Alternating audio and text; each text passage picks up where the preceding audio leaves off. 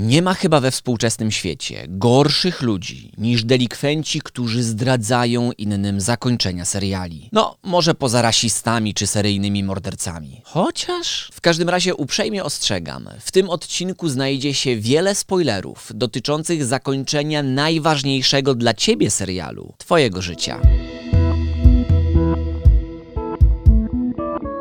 Przeczytałem ostatnio opracowanie naukowe, które mnie absolutnie zszokowało. Uwaga, badania sugerują, że 100% żyjących ludzi na Ziemi, a więc 100% osób słuchających tego odcinka, czyli też ty, umrze. Oczywiście wiele osób na mój dyskusyjnie radosny wstęp odpowie, że to nieprawda, bo przecież naukowcy niedługo wymyślą, jak uczynić człowieka nieśmiertelnym, prawda? Powiem tak, nawet najbardziej optymistyczne wieści ze świata nauki każą wątpić, że obecnie żyjący ludzie w ramach swoich ciał i umysłów będą żyć wiecznie. Poza tym naukowcy i tak mają sporo do zrobienia. Muszą wcześniej wynaleźć uniwersalny lek na raka, wytłumaczyć dlaczego ludzie ziewają i jakim cudem ktokolwiek ogląda jeszcze na wspólnej. Chciałbym się mylić, ale nie sądzę, aby nieśmiertelność była wkrótce na wyciągnięcie ręki niczym koperek w zamrażarce twojej mamy. Oczywiście obowiązkowo w pudełku po lodach, aby najpierw wybudować oczekiwania, a potem zrobić ci z mózgu miazgę. Możemy mieć nadzieję na życie przez setki lat raczej tylko wtedy, gdy poważnie traktujemy takie kwiatki z internetowych źródeł, jak na przykład to, autentyk, skoro biblijny Noe żył 950 lat,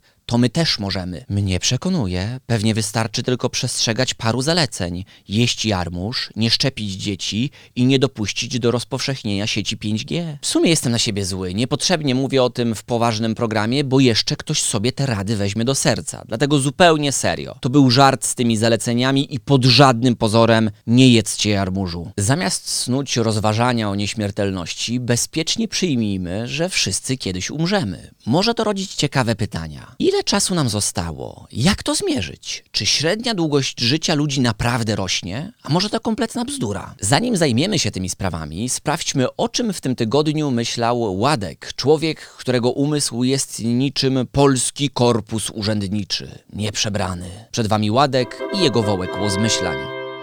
Był taki czas, gdy człowiek w ciągu swojego życia mógł obejrzeć wszystkie kiedykolwiek wyprodukowane filmy. Faktycznie filmów musiało kiedyś być na tyle mało, że dało się je wszystkie obejrzeć w ciągu życia, a nawet w ciągu roku. Dla porównania, dzisiaj na YouTube'a w ciągu jednej tylko minuty wgrywa się ponad 500 godzin filmów. Żeby zatem zaoszczędzić wam minut w życiu, przed wami zagadka wujka Radka. Ze mną akurat każda minuta to jest wygrana minuta, prawda? O, proszę bardzo, jak sobie przyjemnie spędzamy kolejne minuty. A propos tych minut, mam pytanie o lata. Jaka była średnia długość życia mężczyzny w Polsce w 1950 roku? A. 56 lat. B. 60 lat. C. 63 lata.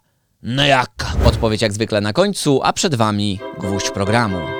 Jedno z najważniejszych zdań, jakie kiedykolwiek usłyszałem, pochodzi od Konfucju Konfucjusza, geniusz. Brzmi w każdym razie tak. Człowiek ma dwa życia. To drugie zaczyna się wtedy, gdy uświadamia sobie, że ma tylko jedno. Oj, mocniutkie zdanie. Nie wiem jak wy, ale ja nadal jestem w tym pierwszym życiu, bo wydaje mi się, że to wszystko będzie zawsze. Nie boję się jeszcze o to, że umrę. Gdy koledzy na wakacjach na szczycie nadmorskiego klifu podpuszczają mnie i mówią Eee, Radek, ty nie skoczysz, co? To doskonale wiemy, że nie ma tu miejsca na żarty, więc z pełną powagą odpowiadam. Potrzymajcie mi piwo. Ciągle wydaje mi się, że mam jeszcze sporo czasu w życiu i rzadko myślę o tym, kiedy się ono skończy. W teorii odpowiedź jest prosta. Wystarczy popatrzeć na średnią długość życia w Polsce, którą podaje Główny Urząd Statystyczny. Wynika z tego, że kobieta będzie żyła około 82 lat, a mężczyzna około 74. Może dziwić, dlaczego kobiety żyją od mężczyzn aż o 8 lat dłużej, ale odpowiedź jest banalnie prosta. Panie potrzebują więcej czasu w życiu, by przeznaczyć go na stanie w kolejkach do publicznych toalet. Po odjęciu momentów straconych na kolejki, kobiety i mężczyźni mają tyle samo czasu na resztę życia. To się nazywa równouprawnienie. Jest też inna teoria, nieco popularniejsza w środowiskach poważnych badaczy, która mówi, że tak duża różnica bierze się głównie z większej śmiertelności panów z jednego powodu chorób układu krążenia. W Polsce co drugi zgon jest spowodowany jakimś schorzeniem tego typu, przykład udarem mózgu, miażdżycą czy zawałem mięśnia sercowego. Panie mają z tym dużo mniejszy problem. Czy dlatego, że mają serce z kamienia?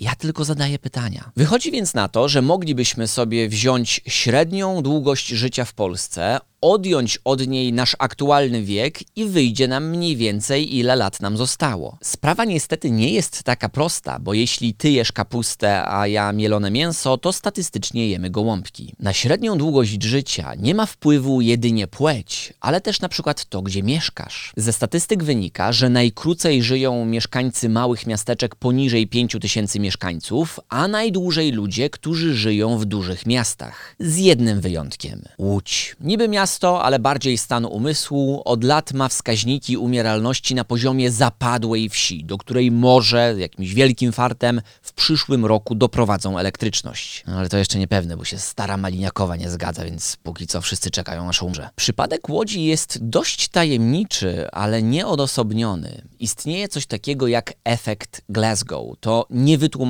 skrócenie przeciętnej długości życia mieszkańców jakiegoś miasta w porównaniu do innych miast. Wszystko wzięło się od szkockiego Glasgow, które jest podobnie bogate jak Manchester czy Liverpool. Wszystkie te miasta musiały poradzić sobie z upadającym przemysłem i problemami społecznymi. A jednak to ludzie w Glasgow żyją od 5 do nawet 8 lat krócej niż w porównywalnych miastach. Naukowcy nie mają pojęcia dlaczego. Nawet bogatsi mieszkańcy miasta żyją krócej, więc nie jest to do końca kwestia biedy. Były już przypuszczenia, że winne są zbyt surowe zimy, za mały poziom witaminy D u mieszkańców, pesymizm, brak kontroli nad własnym życiem czy za dużo stresu. Profesor Adrian Rain zasugerował nawet, że winę za wszystko ponoszą dresiarze z Glasgow i starał się udowodnić, że to oni powodują u mieszkańców nerwice, depresję i inne problemy psychiczne. Sprawa jest nierozstrzygnięta do dzisiaj. Gdy natomiast popatrzymy na całe powiaty i województwa, to zarówno mężczyźni, jak i kobiety w Polsce najdłużej żyją na Podkarpaciu. Gentleman z Rzeszowa statystycznie będzie żył o prawie 5 lat dłużej od swojego kolegi z Łodzi. Ale co to za życie, jak nie można na co dzień obserwować ulicznych walk żuli na przystankach? Macie taki rodzaj MMA w Rzeszowie? No właśnie. Trochę szacunku do Łodzi, dobrze? Jeszcze wyraźniejsze powiązanie ze średnią długością życia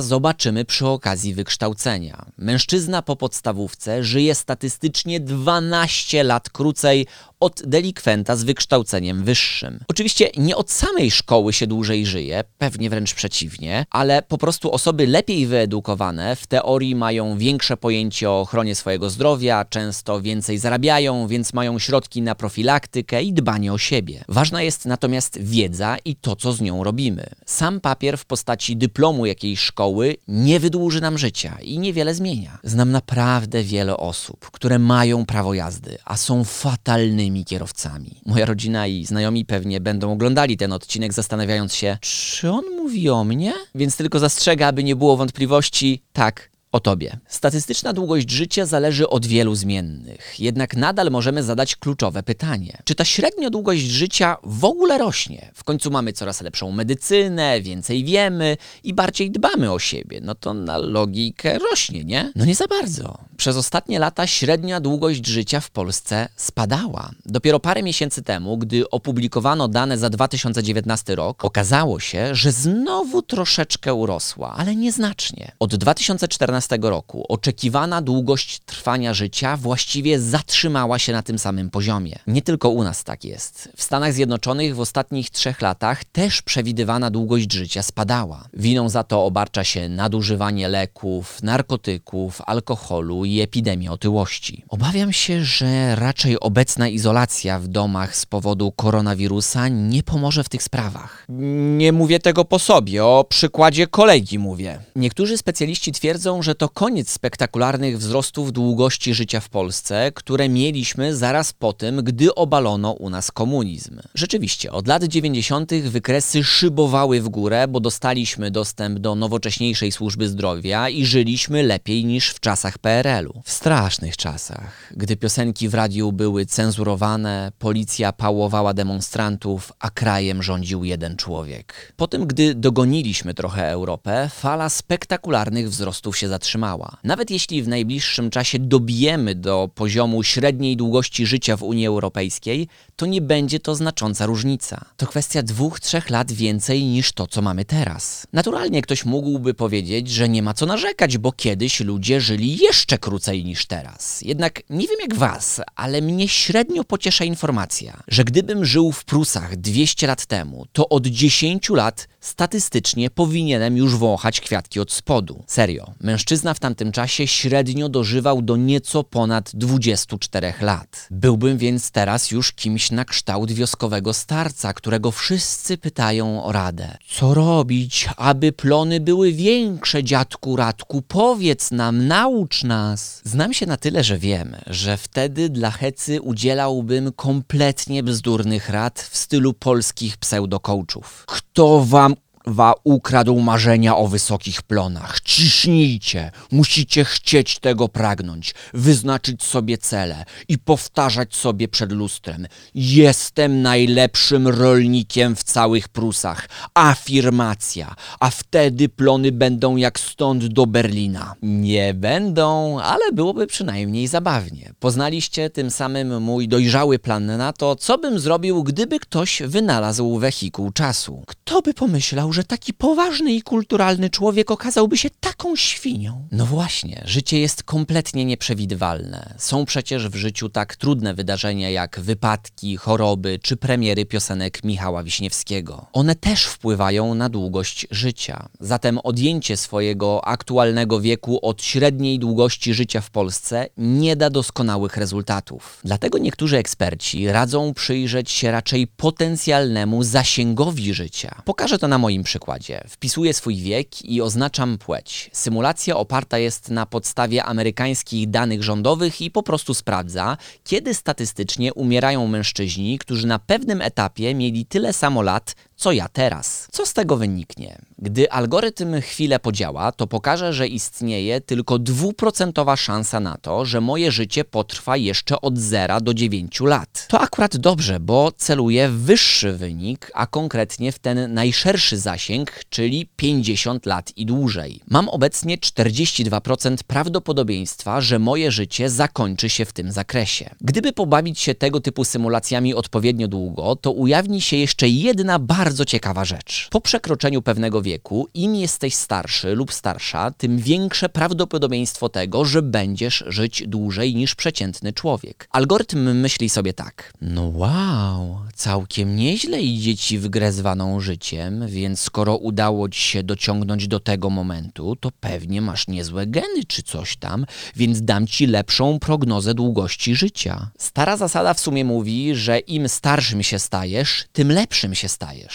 To działa. Chyba, że jesteś bananem, to wtedy nie działa. Dokładnie takiej metody obliczeń używa w Polsce także ulubiona instytucja wszystkich, czyli ZUS. Dlatego dla młodszych prognoza dalszego trwania życia jest krótsza niż dla starszych. Każdy kolejny rok, który przeżyjesz, zwiększa prawdopodobieństwo, że dociągniesz do jeszcze starszego wieku. Chociaż sobie teraz tak myślę, że na moje życie nie będzie miała jakiegoś większego wpływu wiedza o tym, ile lat mi zostało, obliczona na podstawie średniej długości życia w Polsce, czy na podstawie amerykańskiej symulacji zasięgu życia. Jednak istnieje dużo lepsza metoda. To przeliczenie czasu mniej więcej nam pozostałego na wydarzenia w życiu. Naturalnie chciałbym dożyć wieku, w którym ktoś na wieść o mojej śmierci powie: Serio? To on jeszcze żył? To realnie i w sumie dość optymistycznie muszę założyć, że zostało mi jeszcze jakieś 50 lat na tym łespadole. Co to oznacza? Na przykład to, że skoro chodzę do kina ze trzy razy w roku, to w ten sposób zobaczę tylko 150 filmów. Jeżdżę jednym samochodem na 5 lat, więc kupię ich jeszcze tylko 10. Raz na 7 lat robię remont w chałupie, więc tylko 7 siedem razy będę się użerał z ekipami remontowymi, czego w sumie nie znoszę. Chociaż jak umrę, to pewnie za tym zatęsknię, a właściwie atomy za tym zatęsknią, które po mnie zostaną. Jeszcze ciekawiej zrobi się, gdy przyjrzymy się temu, co w życiu naprawdę ważne. Biorąc pod uwagę mój wiek, wiek moich rodziców i naszą obecną częstotliwość spotkań, to zobaczę ich jeszcze tylko 160 razy. Spędzę tylko i aż 50 wigilii z rodziną. Pewnie zdążę odwiedzić moją babcię tylko z 10 razy, bo zdecydowanie za rzadko do niej przyjeżdżam. Co zrobić z taką wiedzą? Po pierwsze, docenić te momenty, bo zostało ich mniej w życiu niż może nam się wszystkim wydawać. A po drugie, nie odkładać ich na potem, tak jak całego życia. Cmentarze są pełne ludzi, którzy mówili, że teraz na ostro popracują, aby potem zacząć żyć, na przykład na emeryturze. Niektórzy nie zdążyli. Sam mam z tym problem i ciągle nad tym pracuję, więc zrobiłem ten odcinek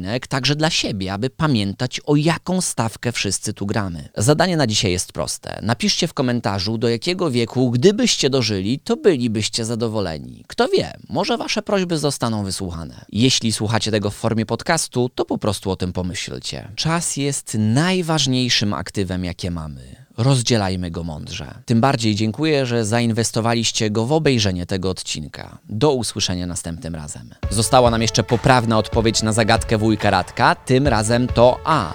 W 1950 roku mężczyzna w Polsce średnio dożywał tylko do 56 lat, więc dość mało zrobiliśmy spory postęp od tego czasu. By natomiast Polimaty 2 nadal żyły w formie podcastu, e, kliknij teraz łapkę w górę, jeśli masz taką możliwość, subskrybuj ten podcast i oceń go, jeśli taka opcja wyświetla się w Twoim programie do słuchania podcastów. Tego typu aktywności są naprawdę ważne i nieustająco bardzo za nie dziękuję. Do usłyszenia następnym razem.